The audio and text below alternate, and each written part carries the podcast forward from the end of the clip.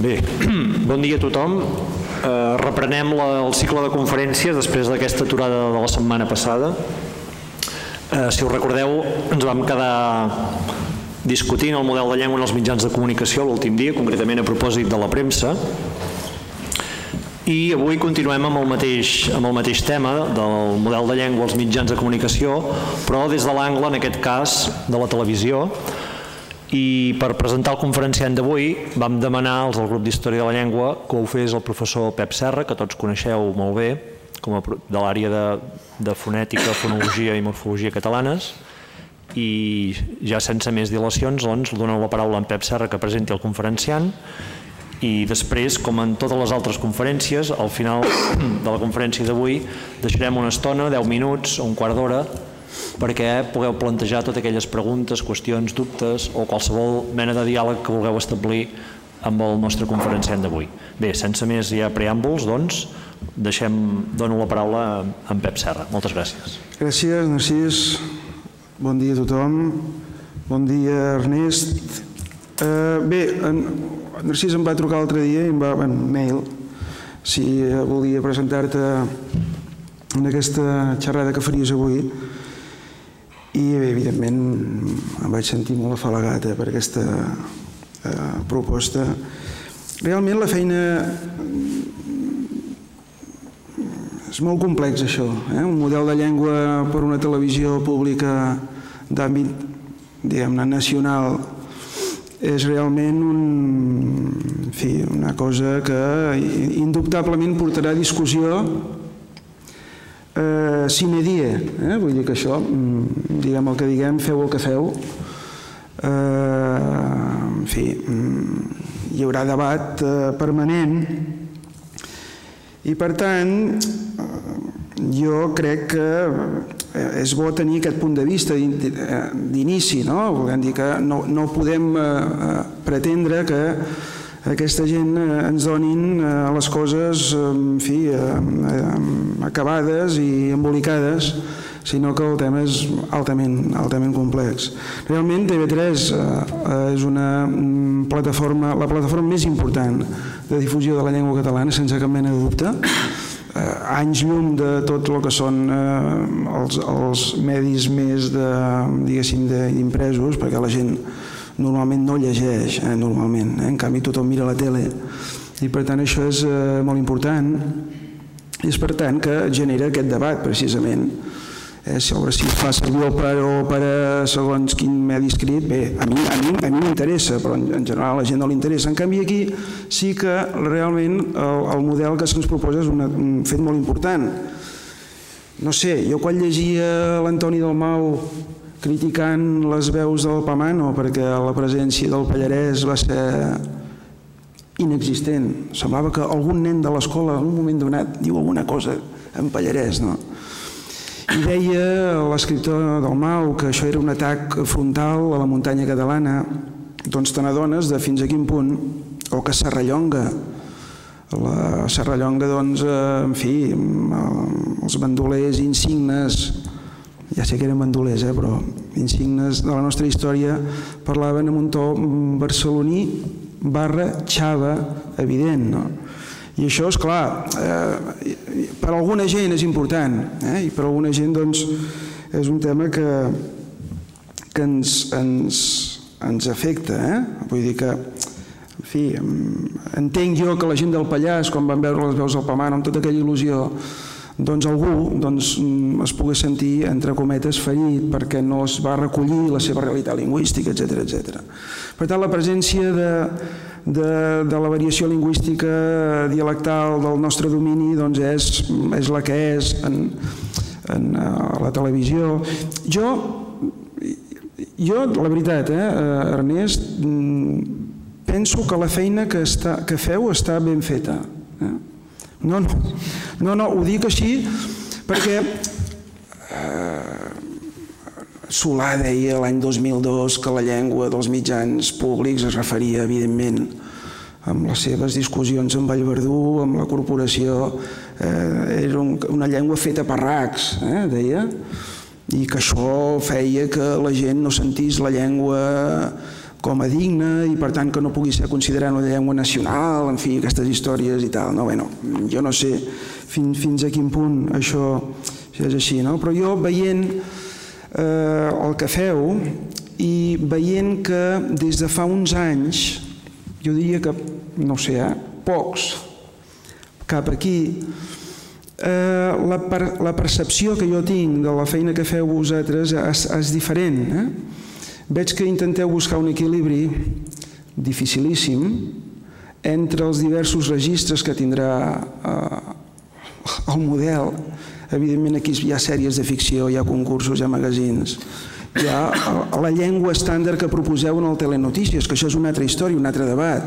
Oh, és que aquesta gent el pronomen i el pronomi no el fan servir, ui, tot, tot i que llegeixen. bueno, és veritat que podem arribar, però jo penso que Eh, l'equilibri eh, aquest que deia amb, amb dos puntals bàsics que són eh, sentit comú i solucions naturals en el sentit estricte del terme. I jo això jo la veritat, Renés, sí que havia sentit a parlar de tu, però m he, m he, ahir em vaig mirar uns quants vídeos del TV Vist, eh, que tu parlaves, i vaig veure que hi havia aquest punt de sentit comú d'alguna manera de màniga oberta, que això no implica necessàriament la degradació de la llengua, cosa que la gent pensa, sinó que eh, jo, jo m'ho miro més com apropar-nos a la realitat. Escolteu, i si estem tan malament i la freqüència d'ús del català és el que és, doncs escolteu, eh, mirem-nos-ho amb carinyo tot això i no anem tant amb la lupa i a dir eh, aquestes discussions que a vegades veiem que penso que són poc, poc, poc importants. Per tant, penso que en aquest punt de vista més de sentit comú, més de eh, solucions naturals que es van imposant, eh, l'Ernest hi té alguna cosa a veure, em sembla, eh? me sembla, eh? hi té alguna cosa a veure. Bé, avui celebrem 20 anys, avui, eh, dia 12, de la creació de la Universitat de Girona, eh, 20 anys que semblava que, bueno, semblava que sempre, ja sé que sempre ho diem, eh, però han passat molt ràpidament. Estic convençut que d'aquí 20 anys, si existim, continuarem discutint sobre el model de llengua de TV3, mm, segur. Jo no tinc res més a dir, escoltarem molt atentament a l'Ernest a veure què ens explica.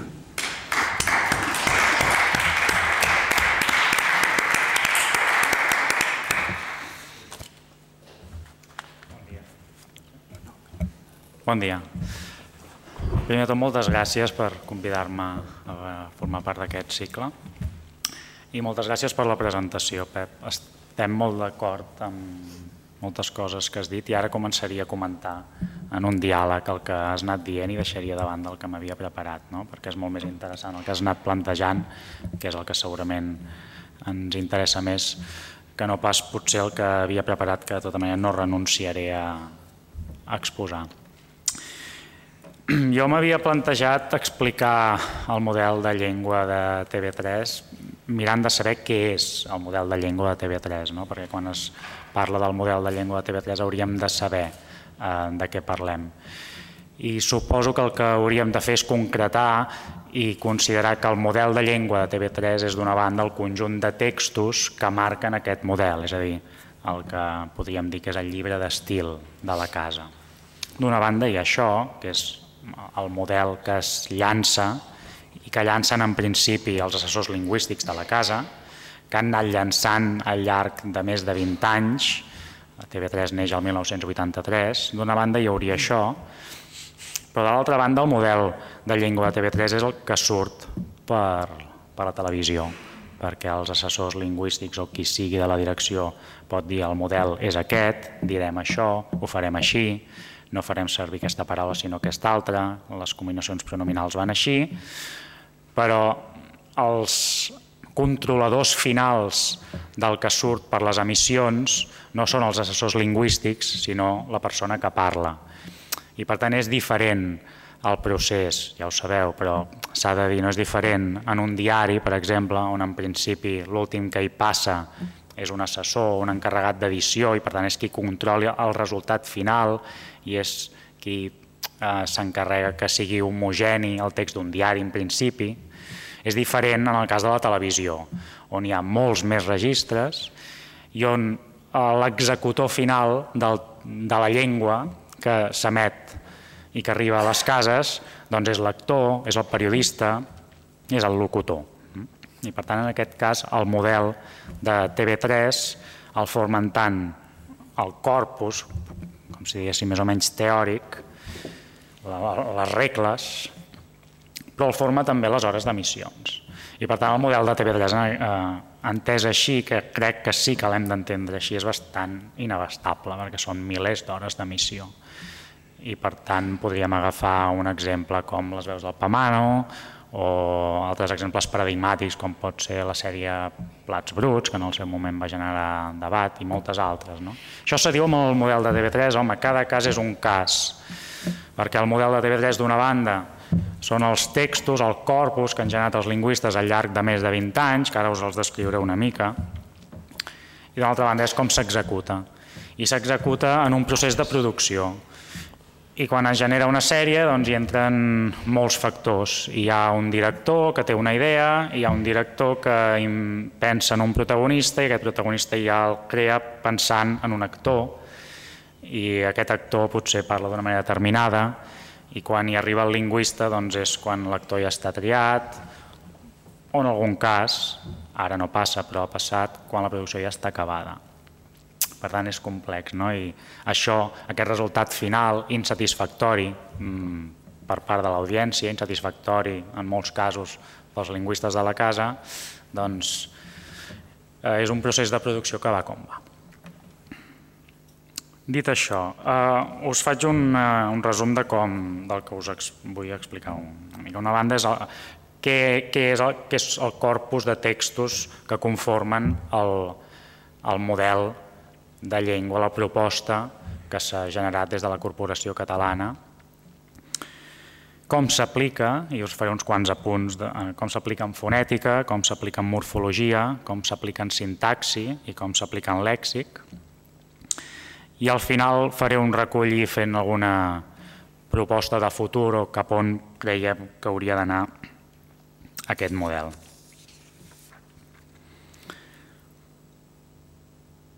Pel que fa al corpus teòric, és a dir, la, el llibre d'estil, les propostes de model, en primer lloc hauríem d'esmentar el primer llibre que va aparèixer, que es deia el català TV3 llibre d'estil, es va publicar mm, amb l'autoria dient que era cura de la Comissió de Normalització Lingüística de Televisió de Catalunya, amb presentació de Francesc Vallverdú, i es va publicar l'any 95, quan feia més d'una dècada que TV3 havia començat les emissions. A la presentació d'aquest llibre, Francesc Vallverdú explica com, es va, com va néixer, com es va generar, i us en llegiré algun fragment perquè si no el que faria és parafrasejar-lo i crec que val la pena recordar-lo aquí. És un llibre que ja ens comença a quedar antic, que és del 95. Nosaltres a la casa ja no el fem anar perquè ja tenim eines posteriors, però tot neix allà. Eh? El model de televisió de Catalunya, el model lingüístic, apareix per primera vegada allò públicament en aquest llibre. No? I en aquesta presentació Vallverdú deia el següent, i el cito. Aquest llibre ha tingut una llarga elaboració. Encara més, a despit del que pugui suggerir la seva data de publicació, potser no és inútil d'aclarir que Televisió de Catalunya ha observat des dels seus inicis unes orientacions precises, que si no han estat considerades llibre d'estil no és pas perquè no en complissin les funcions, sinó perquè eren disperses.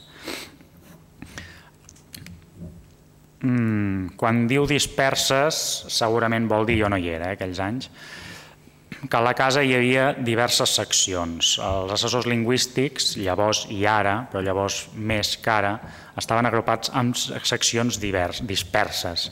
I cada secció s'ocupava del seu terreny.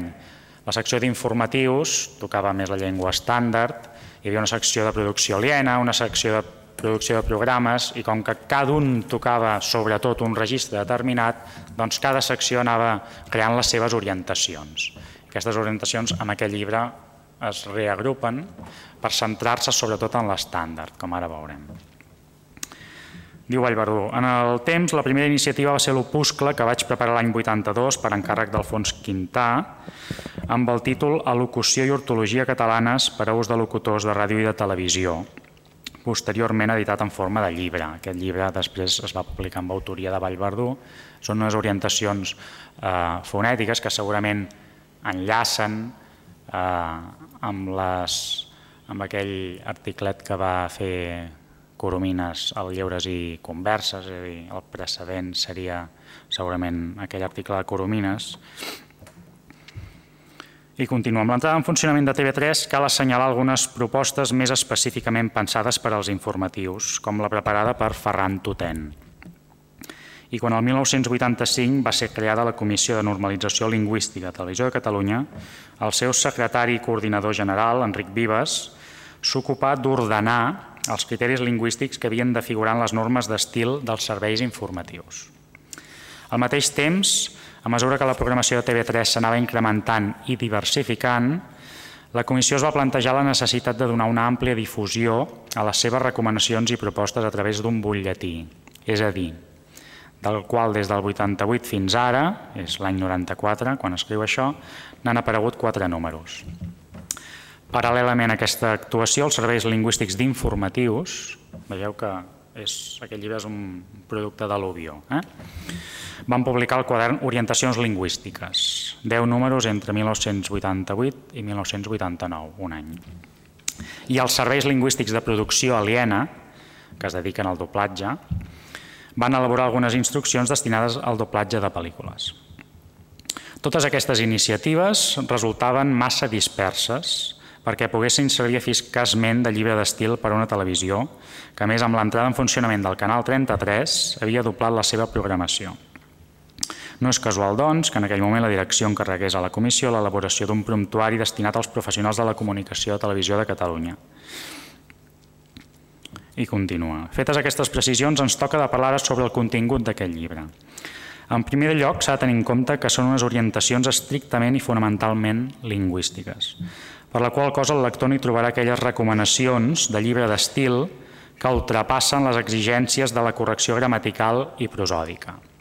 En aquest país, eh, fins fa tres dies, quan un mitjà de comunicació parlava de llibre d'estil, era la, el, el plantejament del model de llengua del mitjà de, del mitjà de comunicació. Eh? Si agafeu el llibre d'estil del periòdico o el de l'avui són bàsicament eh, llibres sobre llengua eh? i el llibre aquest blau aquest, del qual aquest, això que us en llegeixo és la presentació també eh?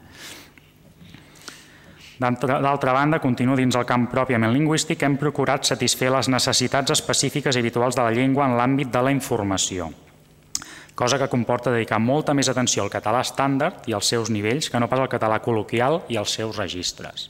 Aquest llibre, per tant, se centra sobretot en l'estàndard, que per nosaltres ara és la part menys complexa. Si entrem, també ho és, però ara com ara, 2011, ens preocupa molt més el col·loquial que no pas l'estàndard, que després de tants anys està bastant més fixat, o ja molt fixat.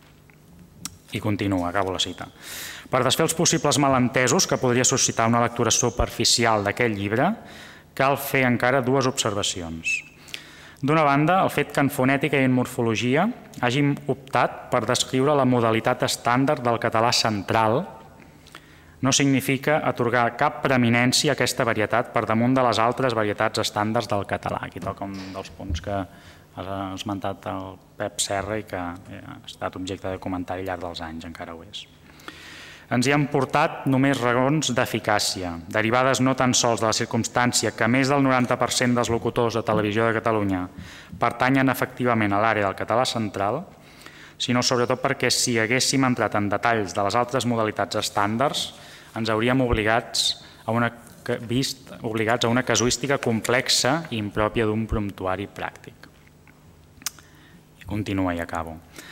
D'altra banda, el resum de fonètica i gramàtica que hem elaborat no pretén de substituir les obres de referència, gramàtiques i diccionaris que els professionals de la comunicació poden i deuen consultar. La necessitat d'aquest compendi recolza en les raons següents. 1. perquè al llarg d'aquesta experiència hem constatat que els errors i els lapsos es produeixen dins un ventall tan ampli de possibilitats que pràcticament afecten qualsevol aspecte de la locució. Aquests errors i lapsos formen part també del model de televisió de Catalunya si entenem que el que surt per antena és model.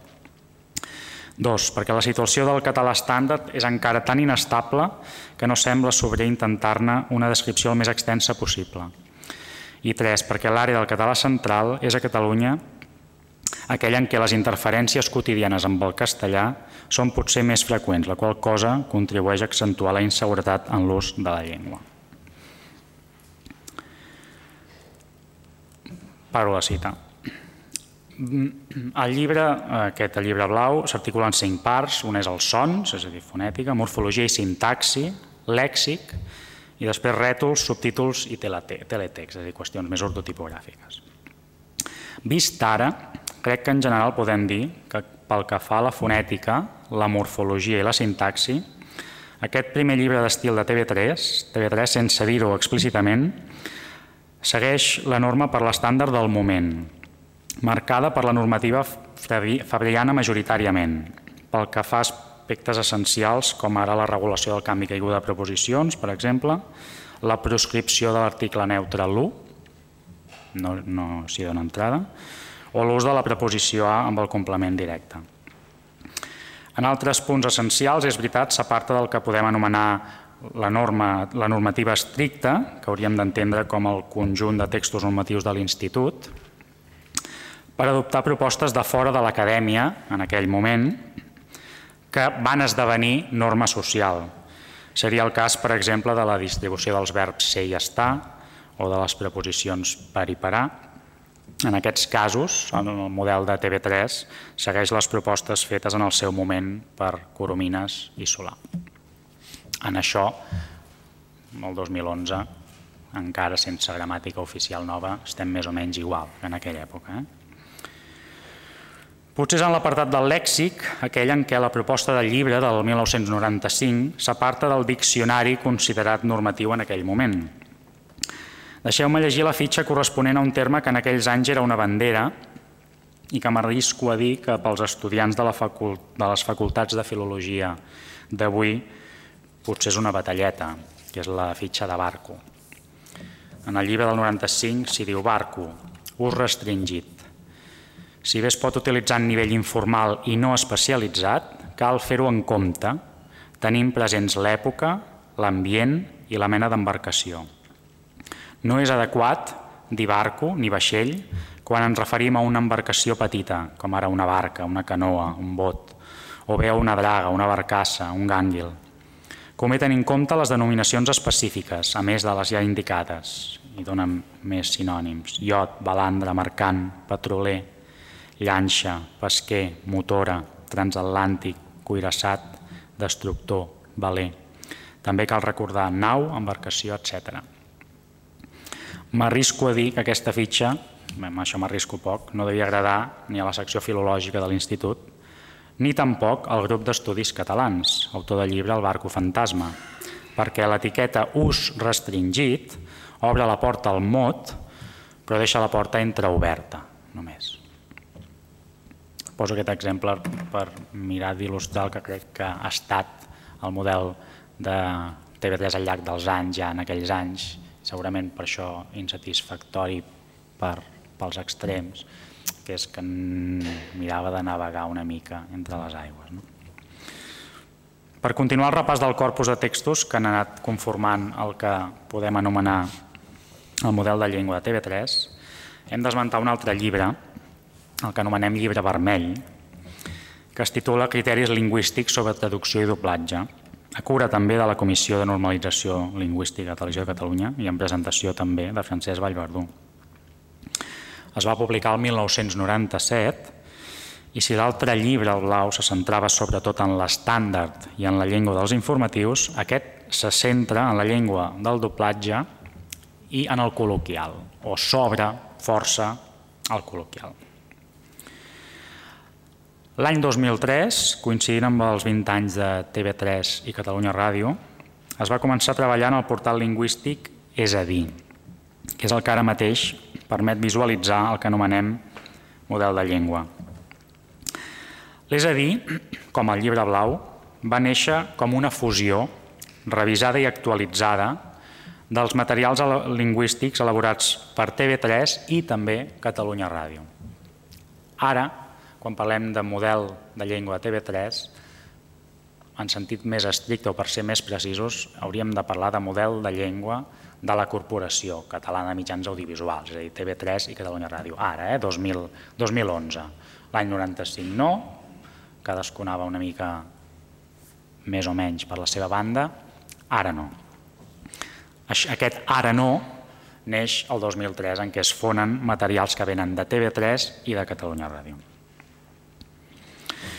L'és a dir, aquest portal incorporava, a banda dels continguts del llibre blau i el llibre vermell, incorporava unes orientacions lingüístiques que s'havien fet a Catalunya Ràdio l'any 2001 i incorporaven també l'anomenat llibre d'estil d'interactiva, que és del 2005. Eh, aquest, eh, aquesta interactiva és una empresa que ara ja no existeix, que era l'encarregada de, de les webs de la corporació. Eh? El portal, és a dir, explica a qui s'adreça, i ho cito també. Dir, va destinat en primer terme als professionals dels nostres mitjans, especialment als redactors, locutors, traductors i dobladors.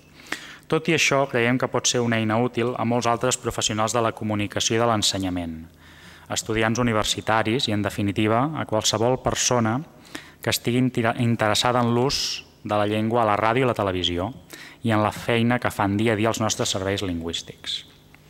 I continua.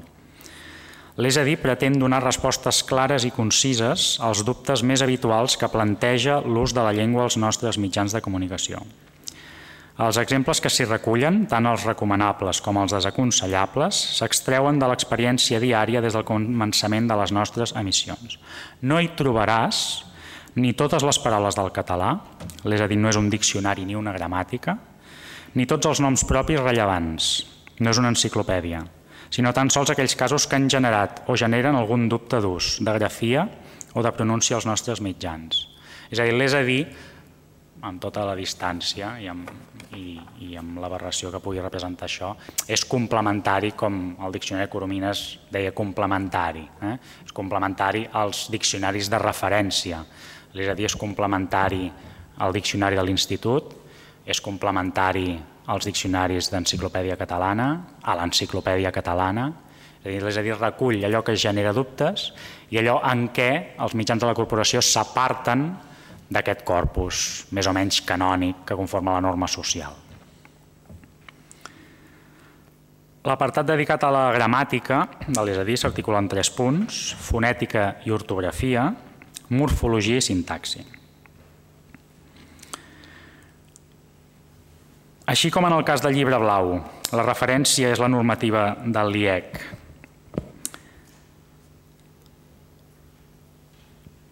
I les propostes per un estàndard oral de la llengua catalana, aquí també ho són, però incorpora aportacions posteriors i sobretot la gramàtica del català contemporani, dirigida per Solà, Lloret, Saldanya i Mascaró.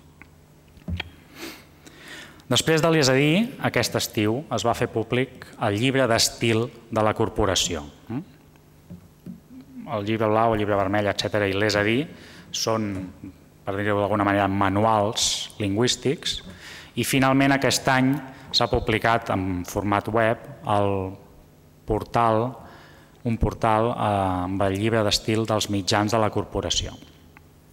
Aquí sí es tracta llengua, però es tracta tota una esfera periodística que fins ara quedava fora d'aquestes altres eines. En el preàmbul del llibre d'estil de, dels mitjans de la corporació s'hi diu això. El llibre d'estil estableix el marc editorial, el marc lingüístic i les normes periodístiques i professionals dels diversos mitjans que integren la corporació, televisió, ràdio, internet i altres plataformes.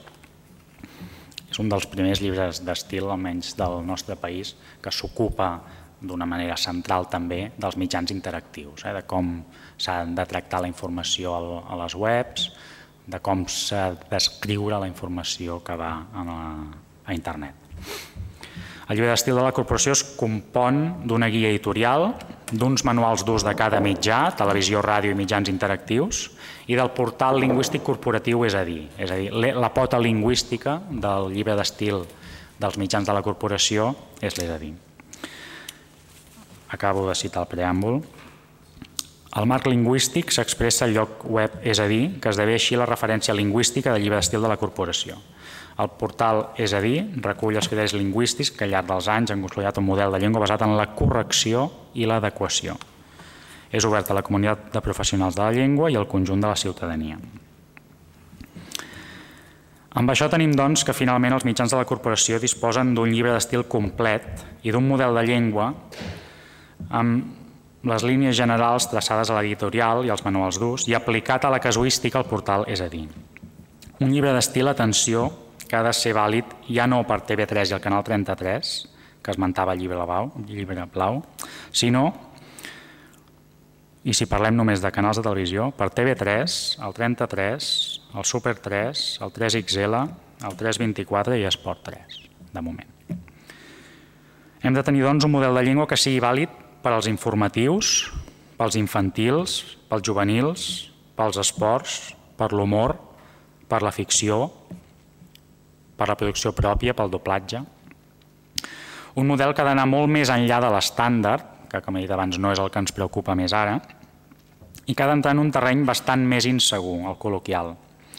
Pel col·loquial s'ha de dir que s'han fet eh, servir de guia sobretot l'obra de Lluís Peirató i les descripcions que trobem a la gramàtica del català contemporani.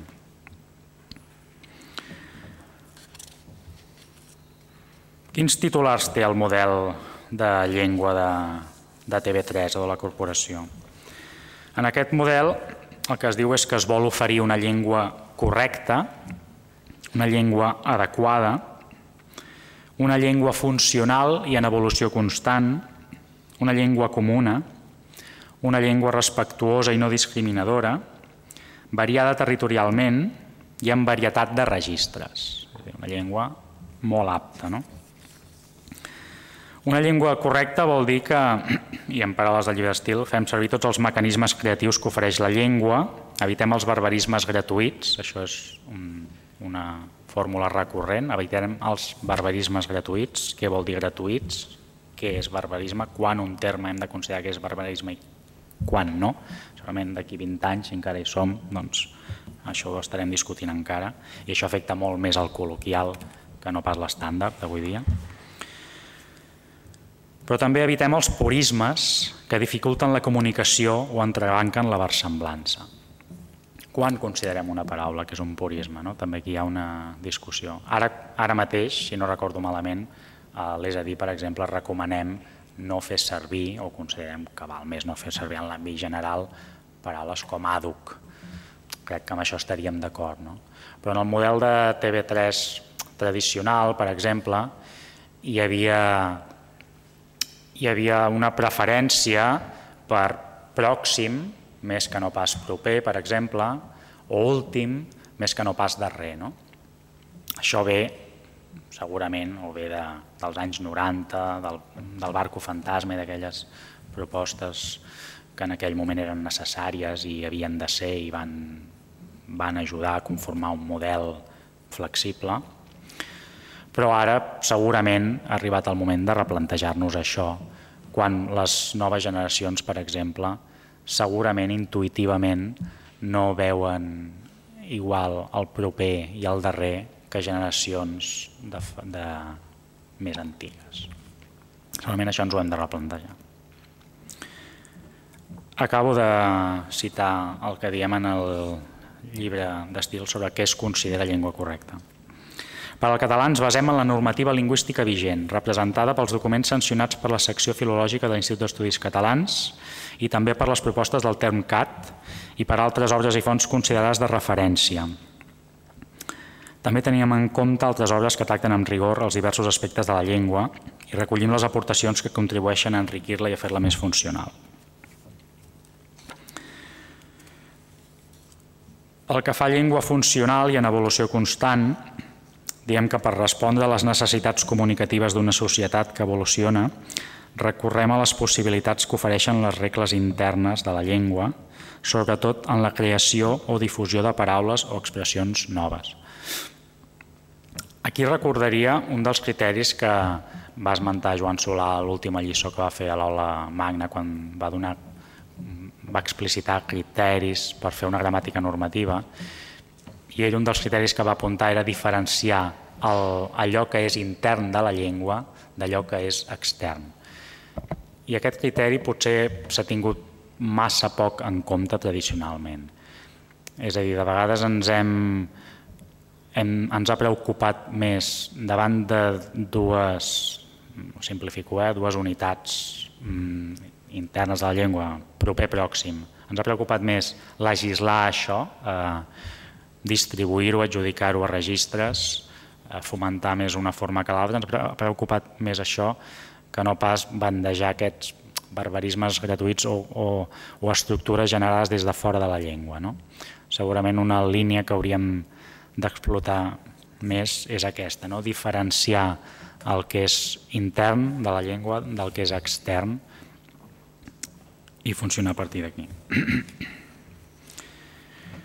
Uh, quan cal fem servir neologismes. És clar, els mitjans sense neologismes no existiríem. Eh? Avant maig, streaming, localització, boca-orella, col·loquialismes, acollonant, birra, o termes procediments de l'argot, catejar, xutar-se. I diem, evitem l'ús innecessari de manlleus i incorporem només els imprescindibles. Llengua comuna, la qüestió dels dialectes, de la variació. Apliquem un model de llengua que sigui comú a la majoria de parlants, diem en el llibre d'estil, que pugui ser compresa i acceptada pel conjunt de la societat. Aquesta llengua comuna, l'estàndard, no admet, tornem-hi, barbarismes gratuïts, dialectalismes d'àmbit massa reduït, tecnicismes poc coneguts, expressions exclusivament literàries ni arcaïsmes. Entre les diferents formes correctes possibles, triem la més entenedora per tothom, això que és un principi que la majoria de llibres d'estil dels mitjans de comunicació recullen i que és lògic i assenyat, topa amb moltes excepcions, fins i tot en l'estàndard, per exemple. O en els informatius, un presentador mm, d'esports, que hem de considerar en principi que són informatius, moltes vegades prefereix dir que tal jugador ha tingut una luxació a la cama esquerra, que és un tecnicisme, que ha estat repetit moltes vegades, que segurament el, els espectadors, la majoria no sabem què vol dir, però quan el locutor diu això està demostrant que sap exactament què li ha passat a la cama a aquest jugador i no vol renunciar moltes vegades a dir-ho d'aquesta manera en lloc de dir que s'ha fet mal a la cama o on sigui la luxació. No? Aquests principis generals que són lògics i que hi convenim en l'aplicació del model diari, i l'aplicació és el que després sortirà per pantalla i té molta més difusió el que diu el presentador que la teoria aquesta que hem dit en el model, doncs tira per una altra banda. No? I aquí és on entra el joc d'equilibris, on en tots hem d'acabar cedint. Continuo. Llengua variada territorialment. Els professionals dels nostres mitjans s'expressen en la varietat dialectal que els és pròpia, lliure de localismes, vulgarismes o barbarismes que dificultin la comprensió general de l'audiència. Aquí vull desmentir una llegenda urbana que corre de vegades, és que quan un presentador arriba a TV3 i no és del català central, ha de domar el seu accent. No sé si mai ha passat, ara no. És a dir, justament de vegades mmm, arriben locutors o estudiants en pràctiques fins i tot que no són del català central i creuen que TV3 han d'imitar el català central i els serveis lingüístics els que els diem és justament el contrari, no, no, tu has de parlar de la teva varietat dialectal, justament el que volem també els serveis lingüístics i no només els serveis lingüístics és que se, se sentin diversos accents. Ja per qüestions demogràfiques i quantitatives el català central és i serà el més present sempre a Televisió de Catalunya, però en cap cas, en cap cas, es fa cap pas per tapar altres accents, just al contrari.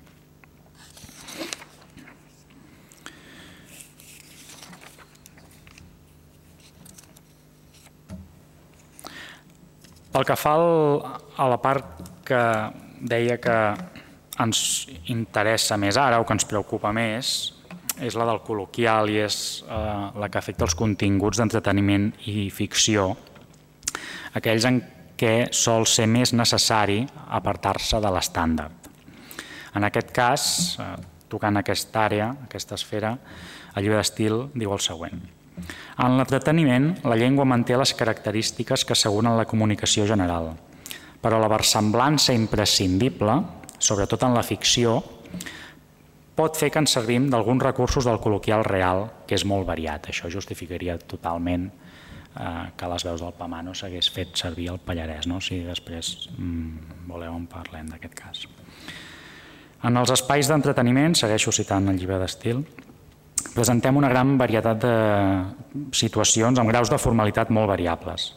A la major part dels casos transmetem els continguts amb una llengua purament estàndard, però quan la formalitat no és alta, quan la concisió i la precisió no són essencials i quan ens convé transmetre espontaneïtat, recorrem a alguns usos habituals en la llengua espontània, com ara redundàncies, frases d'aparença poc elaborada o altres trets col·loquials que ens facin guanyar expressivitat sense contradir la qualitat lingüística ni la missió de contribuir a l'estandardització i la normalització. Vaig un apunt aquí. Un dels problemes amb què topen els canals de televisió de Catalunya és que, eh, sent una televisió pública, ha de cobrir l'esfera del que en un altre país cobririen les televisions privades. És a dir, els canals de TV3 han d'oferir continguts, evidentment, propis d'una televisió pública, però justament perquè no hi ha una televisió o televisions privades com en altres països o altres llengües sí que tenen, doncs ha de cobrir altres esferes. I per això TV3 ha d'incorporar eh, programes o sèries més o menys estripades que es pot qüestionar en algun cas si són propis o no d'una televisió pública, però en, eh, per la situació en què es troba el país doncs, TV3 ja ha de donar cabuda. I aquí la, eh, el conseqüent problema és quina llengua eh, entra en aquestes produccions que són estripades i potser no pròpies del tot d'una televisió pública i com casa això amb la missió normalitzadora i estandarditzadora que, en principi per llei, tenen els canals de Televisió de Catalunya. El llibre d'estil continua. En els espais de ficció fem conviure l'objectiu d'aconseguir la versemblança amb el compromís de promoure i difondre una llengua correcta. Fem servir la llengua amb una intenció dramàtica. Només ens enllunyem dels estàndards de correcció quan és imprescindible per definir fer creïble un personatge o una situació en concret.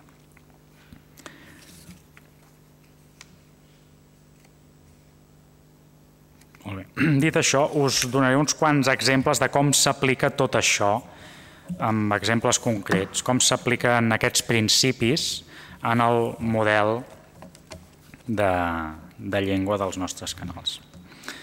Pel que fa a la fonètica, en la descripció dels trets fonètics del català, que es dona cabuda en el model de TV3, s'ha de dir, vull dir, que si bé el català central es considera la base principal per qüestions quantitatives, també es dona cabuda, com no podia ser d'una altra manera, a la variació dialectal. Per exemple, en la presentació del vocalisme tònic, a l'és a dir, cosa que no es feia tant al llibre d'estil del 95, al llibre blau, s'esmenta, per exemple, la vocal neutra tònica del balear i s'afegeix. Les vocals tòniques no poden no ser igualment obertes segons el dialecte. La E de perfecte és tancada en el central i oberta en l'occidental. La O de sol és oberta en central i tancada en gironí, etc. En tot cas, cadascú s'ha d'adaptar al sistema fonètic del seu estàndard. Cal observar que l'accent gràfic, quan recau sobre una E o una O, se sol basar en la pronunciació del català central. Per aquesta raó, la tercera persona del present indicatiu del verb ser s'escriu és, amb B tancada, i fórmula s'escriu amb accent agut, amb bo tancada, malgrat que en molts parlars septentrionals es pronuncien amb E i O obertes. I al contrari, escrivim prudència amb B oberta, mentre que en molts parlars sona amb B tancada. No cal dir que totes aquestes pronunciacions no reflectides per l'accent gràfic són també correctes. En un altre punt es descriu el sistema vocàlic àton del català occidental, i es fan les puntualitzacions següents. cito, és perfectament admissible i recomanable, si es fa amb coherència, la realització del morfema de femení escrit A final com a E oberta, tal com es fa en lleidatà, case, terre, lleide. També és perfectament admissible i recomanable l'obertura en A de la inicial travada per consonant especialment es i en. Escola, estel, embanar. I allà on es fa el tancament del anè de la A, desinència de tercera persona verbal. Ell cante, anave, però jo anava. És a dir, veieu que s'ha fet un esforç, o es fa, de donar cabuda en el que en considerem estàndard i per tant correcte a la variació dialectal. Pel que fa a l'accentuació, la normativa és la referència. En els casos d'accentuació amb doble possibilitat es recullen les dues possibilitats si bé es considera preferible la que es creu més estesa. Són casos com domino o dominó, imbècil, imbecil, pèrit, perit, saxofon, saxòfon, xilofon, xilòfon, xòfer, xofer. En aquests casos s'accepten, el model TV3 accepta totes dues possibilitats, però en prioritza una. En el cas de desplaçaments no normatius de l'accent, s'assenyala que en una locució formal no desplaçarem l'accent de les paraules. Ara bé, es consideren admissibles certs desplaçaments en llenguatge col·loquial. Per exemple, criquet. Diem, en llenguatge col·loquial se sol usar com a paraula plana, reproduint la pronúncia anglesa. Cricket. Elit. En llenguatge col·loquial se sol usar com a paraula plana. També usual en llenguatge col·loquial la forma èlita, derivada de llegir a la catalana la grafia francesa. Un altre cas, poliglot. En llenguatge col·loquial se sol usar com a paraula esdrúixola, políglota i invariable en gènere. Xandall. En llenguatge col·loquial se sol usar la forma xandall. Xassís. Recollim també la forma plana. Torticoli. En llenguatge col·loquial se sol usar com a paraula esdrúixola i de gènere femení, la tortícolis. Una altra cosa seria plantejar-nos si aquestes altres possibilitats les hem de deixar passar o no el que considerem estàndard, eh? perquè torticoli, no sé si ho diem gaire. No? Aquest pas no l'hem fet. Eh? Al costat de casos com aquests, en què en col·loquial acceptem un desplaçament de l'accent no normatiu ara mateix, en altres casos el model TV3 creu la norma i per tant prescrivim eh, beisbol, cautxú, fluor, futbol, hivern, mil·ligram, radar, tiquet, zenit, atmosfera, guru, medula, mimesi, rupia, termòstat, tèxtil, libido. En aquests casos, ara com ara, el model TV3 accepta només l'accentuació normativa. Podem trobar incoherències, segurament. En aquesta segona llista que us he dit, segurament hi ha accentuacions que no tenen un ús gaire extès. Pel que fa a la fonètica col·loquial, es recullen fenòmens com els següents. Eh? El que recollim que creiem que pot funcionar o que s'ha de fer servir, que es pot fer servir, per exemple, en dramàtics, en producció pròpia i en doblatge també. Eh, s'accepta la pèrdua de sons en casos com la caiguda de la vocal neutra entre consonant i R. Brana, branar, carmel, pro, taronja, veritat, es considera secundària la pronunciació del grup PS inicial i, per tant, es considera preferible en tots els registres pseudònim, psicoanàlisi, psicòleg, psoriasi. També hi diem en el nostre model que és habitual la reducció del grup consonàntic trans en tras, transcendental, transcendir, i l'emmudiment de la L en certes paraules, un fenomen que en registres informals l'Institut d'Estudis Catalans considera admissible en la proposta de l'estàndard oral. Atre, nosaltres, vosaltres. I la reducció de diftongs com 40. També es recull en la fonètica col·loquial el reforç o l'addició de sons. Per exemple, l'addició d'una i per desfer iats i si diu que és un fenomen viu en llenguatge col·loquial d'alguns parlants, graiella, ideia, paella, teatre...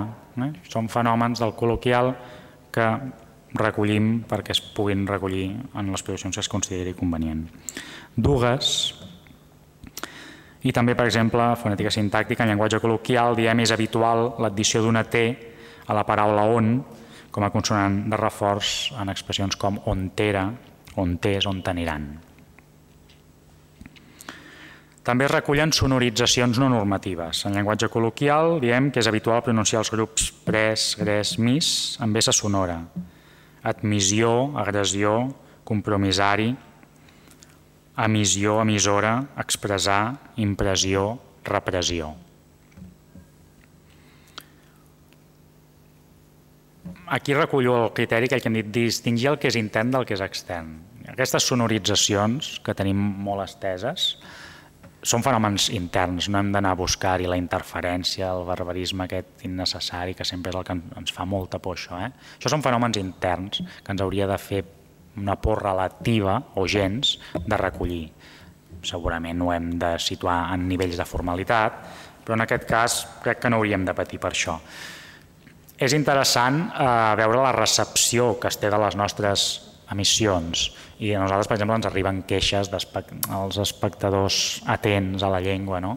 que es queixen de fenòmens com aquests, no? que un locutor digui emissió pressió.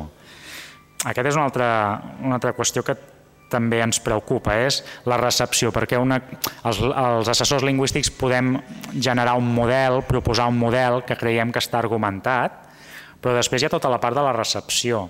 I l'audiència, la que no es fixa en la llengua no s'hi fixa, però la que s'hi fixa té al cap la normativa. I vol que TV3 ho digui bé, i bé és d'acord amb la normativa. No? I això també, en algun, una de les coses que, ens preocupa o que hi pensem de tant en tant és que hem de tenir en compte la recepció, perquè nosaltres podem llançar un model que als assessors lingüístics ens sembli justificat, coherent, pensat, que les universitats considereu que sí que és adequat i que hem de tirar per aquí, però després hi ha tota la banda de la recepció, no? que una televisió pública la recepció no li és indiferent i s'ha de tenir en compte. Uh, més casos de fonètica col·loquial que recollim, la, la pronunciació africada de paraules com xocolata, planxa o assimilacions com estiu o 60. Pel que fa a la morfologia, en general el model de TV3 segueix el que és considerat comunament correcte, en l'excepció una vegada més a l'esfera del col·loquial, en què es dona cabuda fenòmens que no s'accepten a l'estàndard. En dono uns quants exemples també. Acceptem, per exemple, la marca de femení en alguns adjectius acabats en en, en, amarganta, lluenta, decenta, eleganta, intel·ligenta, que en contextos formals són invariables. Segurament aquest procediment ara, segons quina part de l'audiència eh, més jove, li és estrany també. És a dir, aquí també som hereus del model de llengua dels 90 i això de que l'estàndard i el col·loquial, el, el pseudo-col·loquial, perquè quan parlem del col·loquial ens l'estem inventant, el col·loquial, perquè el col·loquial, cada carrer, cada poble té el seu col·loquial. Eh? Aquest, quan diem col·loquial és un pseudo-col·loquial, ens l'inventem, és un col·loquial estàndard. Doncs aquí també generacionalment hi ha, un, hi ha variacions eh? i segurament eh, ens hem d'anar actualitzant constantment. Jo quan veig això, amarganta, lluenta, decenta, eleganta, intel·ligenta, les generacions més joves, els, el, el públic del Super 3, jo crec que això ho, ho troben estrany, eh? ho troben més propi de l'avi i de l'àvia.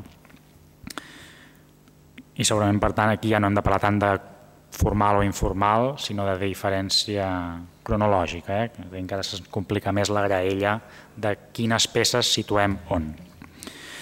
Més casos de morfologia que acceptem, els plurals masses, forces i prous.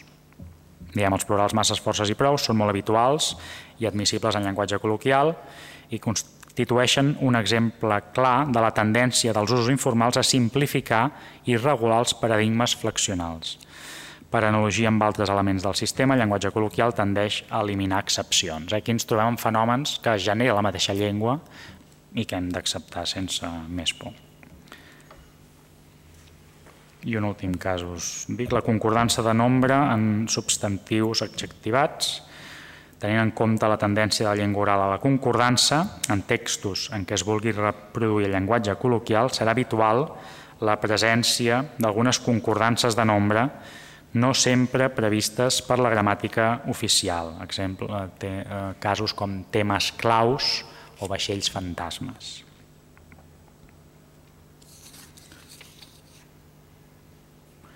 També recollim la tendència a incorporar el clítican en la forma del verb en casos com en recordar-se i en riure's. Eh? Això ho acceptem davant de les formes estàndard, recordar-se i riure's. I també recollim altres propostes, això ho vam recollir d'en de, Pairató, que resulten molt útils sobretot en entreteniment i ficció per donar versemblança als textos. En casos com elisió del complement directe després d'imperatiu. Dóna'm, dóna'm, eh? no ho toquis, dóna'm. Dóna'm o dom, dom també hi donem entrada. Eh? Tu prova, després ja en parlarem. Tu prova, després ja en parlarem. No tu prova-ho, això ho acceptem. No t'amoïnis, tu ves fent. De vegades fins i tot s'ha iniciat fa un quant temps, ara ja no, alguna petita campanya perquè tot s'omplia de no t'hi amoïnis amb una pronoms d'aquells que podríem dir posats amb calçador de vegades. No? Això doncs, s'ha doncs, fet alguna mini campanya eh, alertant d'això. Eh? No posem més pronoms dels que faci falta. Eh? Han i imprescindibles no us en deixeu cap, però de vegades n'hi ha que no cal posar-los. Pel que fa a la sintaxi, com passa amb la fonètica i la morfologia, o potser encara més, l'eix central del nostre model, del model de TV3 o de la corporació, és el que es considera comunament la sintaxi estàndard i del central, sobretot. Com ja he dit més abans, el nostre model no recull eh, modificacions a la normativa, per exemple, del canvi caiguda. Ja, últimament hi ha hagut propostes, el llibre de l'Albert Pla, o vol obrir la, la porta a modificar el canvi caiguda. No? Nosaltres no ho hem recollit ni, per exemple, l'obertura a l'article neutre l'1, que pot arribar a tenir una justificació lingüística hi ha qui l'ha feta, no hi hem entrat encara amb això.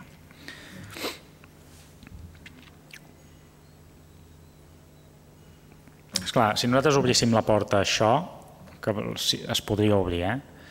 però esclar, és obrir la capsa dels trons, perquè si obrim portes a fenòmens d'aquests, la cosa es dispara i quan acceptem una construcció o una unitat i després veiem o creiem que ens hem equivocat o que hem de tancar una mica la porta és molt complicat, eh? perquè ja s'ha disparat. Els nostres mitjans, amb la immediatesa que tenen i amb el mimetisme que hi ha, eh, de vegades ens fa ser mm, prudents, de vegades massa prudents. No? De vegades quan volem entrar coses a l'és a dir, que justament pel fet de ser líquid, és a dir, que és una web que un dia podem obrir una fitxa i l'endemà la podem fer desaparèixer, eh, voldríem ser molt més àgils també de vegades, no? o apareix tal paraula, va, doncs la posarem així. Però és que si fem una fitxa i ens equivoquem, o l'endemà volem rectificar, la cosa ja s'ha disparat i ja està, i ja no hi podem posar remei. I de vegades diem, home, és que no som l'acadèmia, no? no som l'institut que hem d'esperar 20 anys a acceptar una cosa però nosaltres mateixos moltes vegades ens frenem més del que ens frenaríem perquè ens fa por de vegades la repercussió que pot tenir, no? que Televisió de Catalunya o la ràdio accepti tal cosa. Continuo. En la sintaxi, doncs, seguim, se segueix sobretot la normativa. I en els diversos punts que la normativa actual no resol, se segueixen les aportacions sobretot de Joan Solà i de la gramàtica del català contemporani. Això especialment pel que fa a la distribució de parar, amb la proposta Coromines Solà, o la distribució de ser i estar, ja ho he dit abans. I en els usos, per exemple, de la preposició, l'ús de la preposició amb complement directe, que no estava prevista per les gramàtiques de Fabra i que han desenvolupat, sobretot, eh, Solà. També hem adoptat, per exemple, la proposta de Solà de la distribució de, de qui i de qui hi ha. L'hem adoptat i no som els únics, eh? els, els diaris pel que veiem, si no tots, majoritàriament l'han acceptat. Ara us llegiré com, com ho vam recollir. Si bé la proposta aquesta de distribució que va fer Solà la recollim com a preferència, és a dir, no com a obligatòria. I si mm, veieu TV3, el rellotget que surt diu encara tornem d'aquí a X segons. No? no ho hem fet tocar perquè és una qüestió que bé, volem veure cap on va i estem esperant la gramàtica de l'institut també. En el cas de la distribució aquesta diem el següent. Preferim fer servir la construcció d'aquí quan volem indicar el moment en què passarà un fet. En aquest cas, l'estructura és d'aquí, més numeral quantitatiu, més nom d'un període temporal. Per exemple, t'ho diré d'aquí mitja hora, tornem d'aquí 25 segons, ho acabaré d'aquí 24 hores, d'aquí una estona haig d'anar al plató. Fem servir la construcció d'aquí a quan volem indicar el període delimitat durant el qual passarà un fet. Per exemple, aquesta novel·la en durarà d'aquí al maig, d'aquí a final de curs ens queden 16 classes, d'aquí a Nadal hem de tenir preparats tots els àudios, d'aquí al 2011 hem d'adaptar els receptors. I també, aquest no és conflictiu, però també fem servir d'aquí a quan ens referim a una distància espacial. D'aquí a Tarragona pararem tres vegades. Pel que fa a la sintaxi col·loquial, es recullen casos com la reducció de par en col·loquial, de parar a part en col·loquial, en escrit i en oral. Eh? Eh, això vol dir que en, que en llengua oral, en col·loquial, sentireu exclusivament par, en, català central, i això té una extensió molt gran, eh? en els informatius també eh, el parar cada vegada més se sent com una cosa molt, molt marcada. No? De moment, ara en els subtítols, també eh, el model diu que hi escriurem només per. I si mireu, per exemple, els Sputniks que van subtitulats, les cançons subtitulades de l'Sputnik, no hi ha la diferència per i per a. Això ens ho estem començant a pensar també, eh? perquè una cosa és la llengua oral i l'altra escrita, i mm, bé, eh, com hi ha qui creiem que la llengua escrita hauria de, de tirar més cap a la normativa. Un altre cas eh, que acceptem és la concordança del verb haver-hi. Això sí, ara com ara, està limitada de moment al col·loquial. I s'assenyala que en els usos formals se sol evitar. Mm? Això és una fitxa que està feta fa temps, esperem també, abans de, ara abans de tocar coses, més coses de sintaxi, volem esperar la gramàtica de l'institut, que estem esperant que arribi, aviam com toca totes aquestes coses. Un altre aspecte en què s'ha fet bastanta bona feina és amb, amb els pronoms febles. Si aneu a l'ESIDA hi trobareu una taula en què es dona tota una casuística en què aquí sí, en bastants casos, s'aparta de la normativa. S'aparta de la normativa, però tornem-hi, són solucions que ha generat la llengua, eh? i per tant no ens han de fer por. Per exemple, recomanem fer li va donar en comptes de la hi va donar, li va dir en comptes de li ho va dir, n'hi va donar tres en comptes de l'in va donar tres, els hi va dir que sí en comptes de, aquí en col·loquial més aviat, els va dir que sí, els hi dono en comptes dels ho dono, aneu-se'n en comptes d'aneu-vos-en, ajupa't en comptes de jupta, digue'm en comptes de digues-me, conèixer-nos en comptes de conèixer-nos o conèixer-lo en comptes de conèixer-lo. Aquí en tot aquest apartat del, de les combinacions eh, també ens preocupa o en, què fem amb això amb, el, amb els subtítols.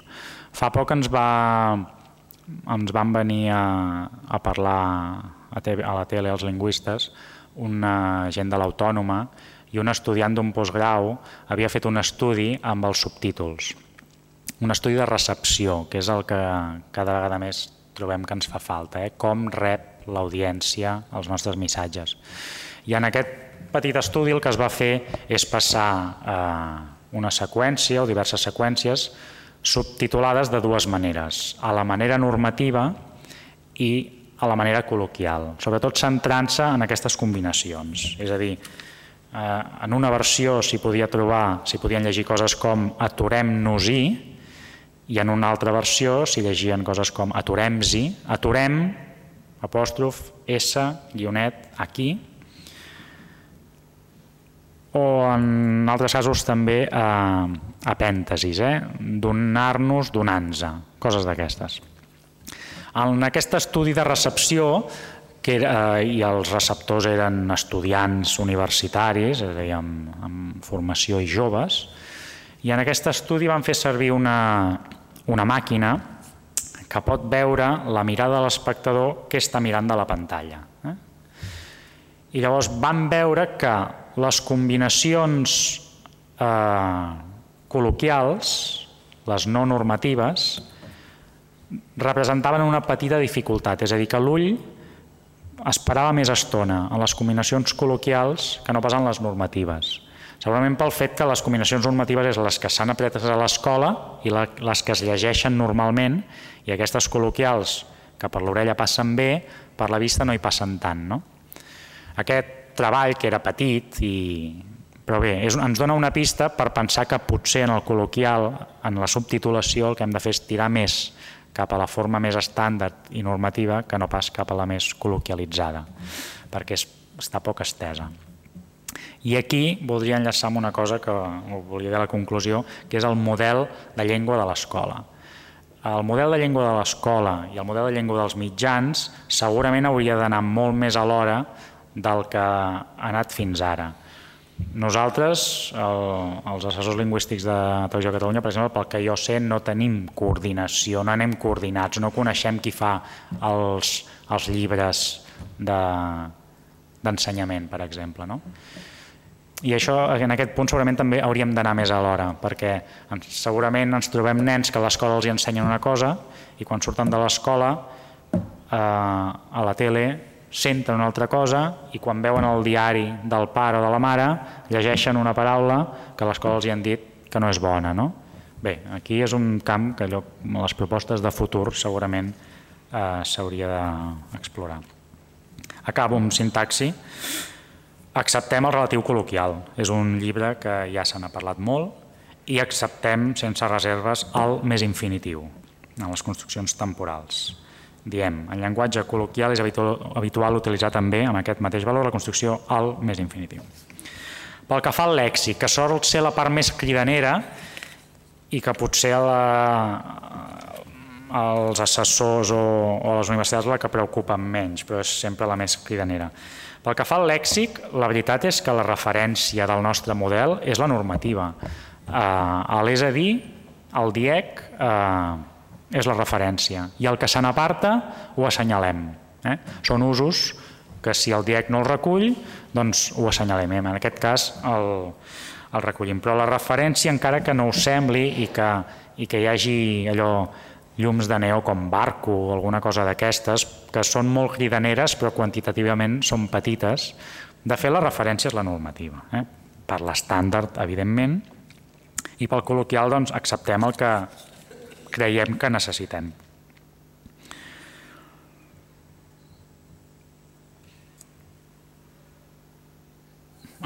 a dir, per exemple, diem, i com s'ha repetit tantes vegades, eh, el fet que una paraula encara no surti al diccionari normatiu no vol dir automàticament que no la puguem fer servir.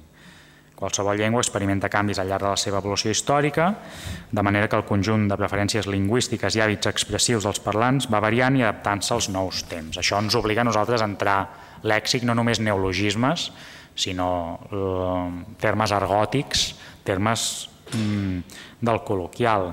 I nosaltres hem d'entrar coses com cutre i mm, termes d'aquest estil. No? Si no, els espais de la producció de ficció mm, va coixa. De fet, la relació és en doble sentit, no? i termes que en el llibre del 95 es proposaven al llibre blau que no eren al diccionari, la segona edició del DIEC, per exemple, els ha recollit. N'he apuntat uns quants. Termes que figuraven en el model TV3, no només, evidentment, molts venen del Barco Fantasma i de llibres d'estil d'altres mitjans. Termes com amiguisme, barman, braseria, bullici, caribeny, càsting, l'expressió de per vida, la grafia a la catalana glamour, nominar una pel·lícula, ketchup, o viudetat eren termes que els mitjans també TV3 havia proposat, feia servir i l'acadèmia ha acabat acceptant. Per tant, és una relació a dues bandes. No? Acabo amb una mica de conclusió que volia fer. La llengua dels mitjans audiovisuals passa filtres diversos i l'últim no sol ser el lingüista. Una persona crea un text, sigui periodista, redactor, guionista o traductor. Un altre el revisa, el lingüista, i un altre el diu.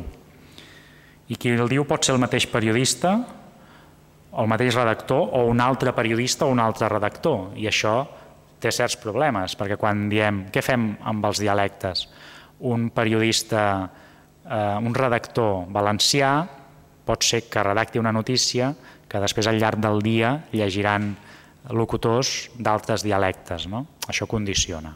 Com ha de generar aquest text? Segurament l'ha de generar en central, quan el llegeixi ell l'ha de dir en la seva variant, però quan el llegeixin locutors del central bé l'hauran de dir en central. Un altre el diu, per tant, el mateix periodista, el redactor, un actor de doblatge, un actor dramàtic, i qui diu el text s'hi ha de sentir còmode, se l'ha de poder fer seu. Un actor difícilment farà versemblant un text que li sigui estrany. En molts casos entre el joc la negociació i la intuïció del parlant. Més d'una vegada, actors de doblatge o de dramàtics suggereixen canvis al lingüista i en molts casos encertadament. Per tant, el que s'anomena model de llengua de TV3 és resultat d'una suma i els lingüistes no hi tenen l'última paraula. Formen part de la cadena. L'objectiu hauria de ser aconseguir una llengua flexible, apta pels múltiples registres audiovisuals, versemblant.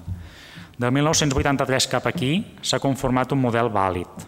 En el seu moment, sobretot als anys 80 i primers dels 90, els mitjans de comunicació en català van haver d'obrir camí, en molts casos amb unes crosses que tenien força mancances. La gramàtica i el diccionari oficials no donaven les solucions que exigeix la informació diària. Les obres de, les obres d'enciclopèdia catalana durant molts anys han tingut un paper fonamental. El grup d'estudis catalans va empènyer, i altres també. Eh? Avui tenim un panorama del tot diferent dels anys 80 i primers dels 90. Tenim l'IEC amb una gramàtica per publicar que els assessors lingüístics ens delim per tenir a les mans. Amb el, tenim el TermCat resolent la terminologia que crea l'actualitat, tot i que no sempre hi estiguem d'acord, perquè no sempre ens siguin útils les seves opcions, però ens fa molt bona feina. Tenim obres de referència com la gramàtica del català contemporani i tantes altres. Eh? Voldria esmentar també el diccionari de, de verbs de Ginebra i Montserrat, utilíssim. Ara els mitjans de comunicació van menys sols. A més a més, tenim més premsa en català que mai. Val la pena que fem un esforç per caminar tots cap a la mateixa banda. Cada mitjà ha de tenir les seves peculiaritats, el seu estil, però segurament tenim més coses en comú que no pas de diferents.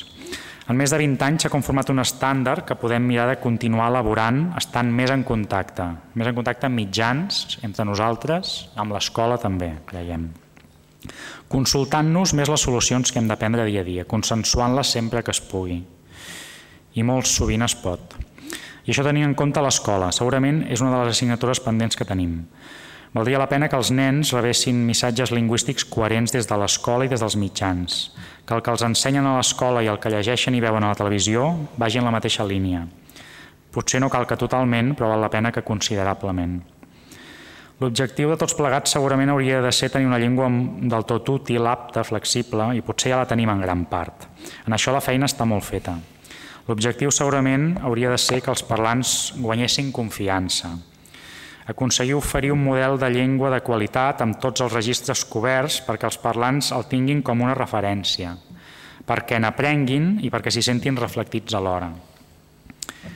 Mm, ens hauríem de treure de sobre alguna vegada eh, el sentiment que molts parlants tenen que el català és allò, no el que dic jo. No? Això ho hauríem de combatre i segurament anant tots més alhora oferint un model més coherent, més referencial, doncs seria una via. Finalment, un tercer objectiu segurament hauria de ser que els encara no catalanoparlants s'apuntessin al carro. Això segurament només s'aconseguirà amb una oferta atractiva i competitiva, més que no pas amb el vessant lingüístic. Tampoc això sembla tampoc en això sembla que anem del tot desencaminats. Crec que en català eh, ara mateix mm, oferim una oferta atractiva i competitiva, si no torcem el camí. Gràcies. Molt bé.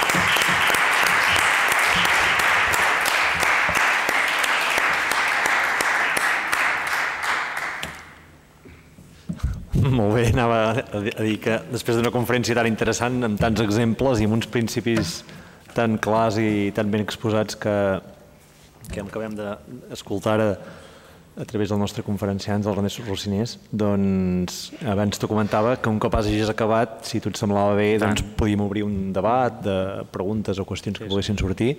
Abans de, de dir-ho ja he vist que hi havia una mà que, que s'alçava. Salvador, si vols comentar Espera, si vols esperar un segon, que hi ha un micro així tu, la gent de darrere et sentirà bé. Agraeixo moltíssim la xerrada que ens has fet. És d'una sensatesa eh, excepcional en un país tan insensat com el nostre. Mm. I sobretot en les línies generals, són les que importen, perquè els detalls són una mica menys importants. No? Deixa'm de fer una distinció de quatre blocs. Uh, tenim mm, la ficció, doblada, producció aliena. Eh? Aquí eh, la llengua és un desastre, però no és un desastre a TV3, és un desastre en castellà, en francès, a tot arreu. I segurament la solució seria no doblar, però això és impossible, però doblar, en tot cas, al mínim, les coses més populars, doblar-les, les altres de més qualitat no doblar-les. Aquest seria un bloc al qual no, no m'hi fico gens.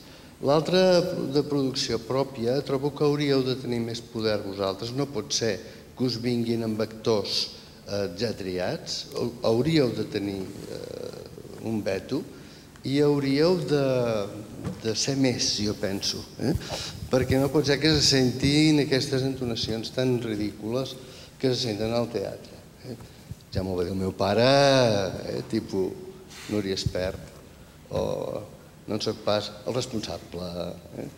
tipus arquillover.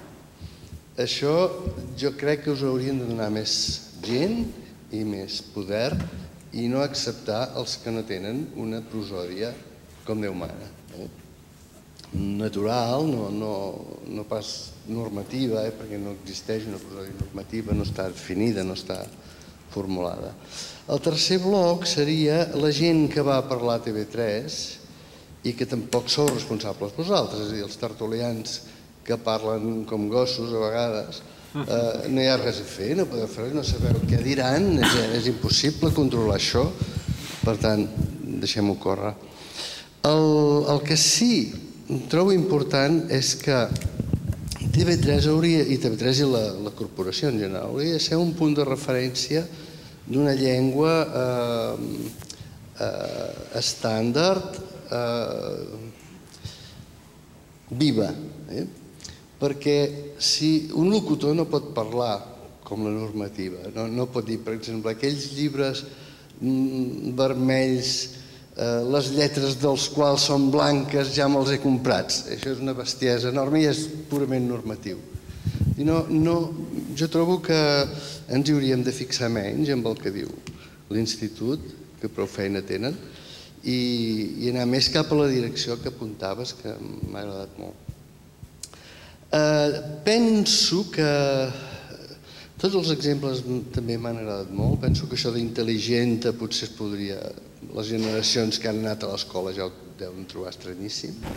Però penso que hi deu haver normes per part vostra que són ultracorreccions, eh, deixem-ho dir, bastant desagradables. Per exemple, eh, ser a punt. Eh? Quan tu vindràs jo ja seré a punt. Això no ho ha dit mai ningú. I estic tip de sentir-ho a TV3. Una altra cosa que cada matí aquell noi de Banyoles, que és un paisà meu, que fa el trànsit, diu sempre fem un cap d'ull ni l'Alcover Moll, ni el Diccionari de l'Institut, no n'hi ha cap que digui... Eh, eh, això per mi ve d'una regla de mestre Tites que diu els castellans donen i nosaltres fem. no és gramatical ni és res. Eh, és a dir, Nosaltres donem també, donem un cop de puny, donem una bufetada, donem un cop de mà i donem un cop d'ull i una ullada. No fem un cop d'ull. Això és terrorífic. Això per mi fa malbé la confiança que els parlants tenim amb la pròpia llengua. Mira, no ho dic bé. Eh? Sobretot si ho sent cada dia, cada dia, cada dia. Jo no sé si estàs d'acord que hi ha altres correccions i no sé si són eh, imposades per vosaltres. M'ha agradat parlar perquè, com que dius que t'agrada saber la recepció de la sí, llengua, sí, doncs mira, una opinió més. No, no, moltes gràcies. Aviam, diverses coses. En el cas del doblatge, el problema que tenim és que mm, la LO, en el nostre cas, en català, eh, la subtitulació, les versions originals subtitulades, evidentment, serien les, les preferibles. El que passa que si ho comencem a fer en català, el que passarà és que el públic en cinema anirà a veure les versions en castellà perquè les versions subtitulades sempre seran minoritàries. No? Per tant, ara com ara, aquest, aquest plantejament sempre en, la, en, la nostra, en el nostre medi sempre apareix quan es parla del doblatge al català no? i sempre es diu, home, la versió original subtitulada és millor, sí, però fem-ho tots, no? perquè si només ho fem en català, malament rai, perquè en cine només se sentirà, la gent anirà a veure les versions doblades al castellà majoritàriament. Jo el doblatge en català, eh, no sé si en, en francès, etc., ho desconec, eh, però comparant-ho amb el castellà crec que estem bastant millor. Els doblatges catalans crec que som més bons. I... Ja, això ho desconec. I, per exemple, justament un dia d'aquests parlant també en alguna taula de rodona d'aquestes havia sortit el, el, el Tintín, no? La versió catalana del Tintín jo crec que està molt ben feta. I molt ben feta perquè, per exemple, el, el Tintín eh, exclama dient rellànties, no? Rellànties, jo no sabia ni, ni que existia, ni, però té gràcia, no? Vaig trobar simpàtic i ben trobat. I el mm, traductor que va fer aquesta versió, quan li vaig comentar, em va dir que en castellà havia dit càspita, el Tintín, no? Ostres, és molt, està molt més ben trobat, no? En la producció pròpia, eh, sí, hauríem de tenir més poder. I hauríem, i hauríem de ser més, sí. Eh, ser més, ara com ara, impossible. Eh, més poder, eh, amb la direcció que tenim ara el podem exercir. Eh? I, I, per exemple, ja ha sortit alguna cosa més ben feta. El Terra Baixa, per exemple, va sortir bé. És a dir, que sí, que hem engegat una línia que es veurà amb el temps, però incidim més. Amb les coproduccions, per exemple, que per nosaltres era un espai erm en el qual no històricament no s'intervenia. Coproduccions són aquelles produccions en què TV3 intervé parcialment, bastant, més o menys, però que vaja, que no és producció exclusivament pròpia, amb això ja estem intervenint. Eh? Cada vegada intervenim més, amb tots els problemes que pot tenir quan el director vol una cosa, bé, negociem. Però la línia l'hem obert. Eh? L'hem obert vol dir que aniran sortint desastres, però que potser d'aquí un quant temps, uns quants anys, doncs, ja s'hauran establert uns mecanismes. Volem establir uns automatismes que, de la mateixa manera que quan engega una producció doncs van a buscar un il·luminador que, vol, que sabrà, saben que els hi farà bé, doncs que vagin a buscar un lingüista que els hi farà bé. No? I que donin la mateixa importància ambientar bé una capella perquè passa el segle no sé què, doncs que també parlin de manera més o menys adequada amb, l'època de la producció. No? És una línia que estem del tot d'acord, que, que falla molt, però l'hem obert eh? i anem més o menys pel bon camí. Els tertulians no tenim res a fer-hi, eh? res. Uh, has dit uh, l'expressió ah, dels estan, de la, en l'estàndard, uh, aquestes, aquests relatius dels quals els, els retoquem, eh? és a dir, uh, en antena els companys uh, això ho alleugerim que passa que sempre surten textos sense corregir o textos llargs que l'has hagut de fer en mig minut perquè surten i això forma part del model perquè és el que acaba sortint per pantalla i és igual que en dades a darrere diguem missa, però normalment són lapsos o, o omissions. Eh? No és que nosaltres el, en informatius, per exemple, frases d'aquesta mena ens agradin i no les toquem. No? El ser a punt evidentment nosaltres i a les edicions anessin a buscar, defensem i diem que s'ha de dir estar a punt. Eh? I quan ho sentim, per tant, nosaltres també les, ens, fa, ens fa mal a les, a les orelles.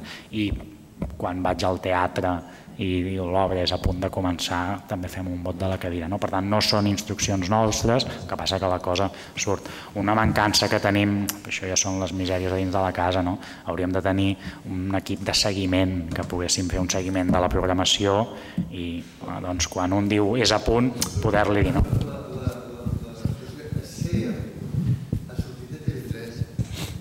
Abans no s'havia sentit mai això. Això jo no ho sé, però ara, sí. és a dir, nosaltres, en el ser i l'estar, si ho anem a, vaja, segur, si ho anem a buscar, diem que és estar a punt. No sé si va néixer allà, això ja...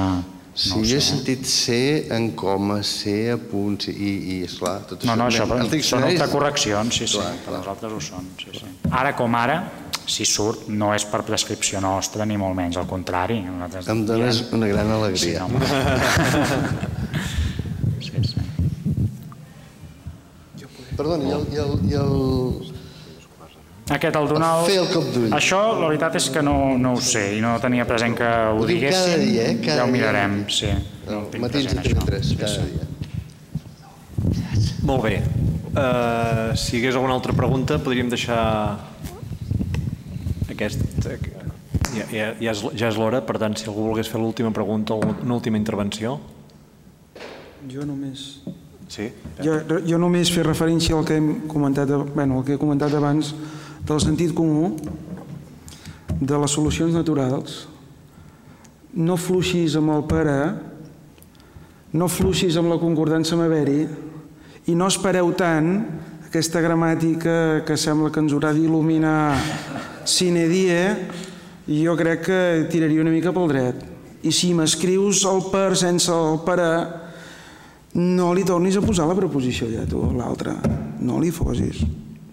No, no, i que una mica amb el que ha dit en Salvador, que realment el, la línia general a, a mi, la veritat, m'ha sorprès positivament la manera que teniu de fer que hem vist que hi ha hagut un canvi en, uns, en, el, en fa un, un temps evident, eh, molt clar.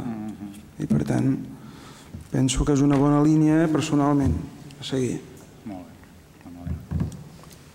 Molt bé. Ho deixem aquí? Sí?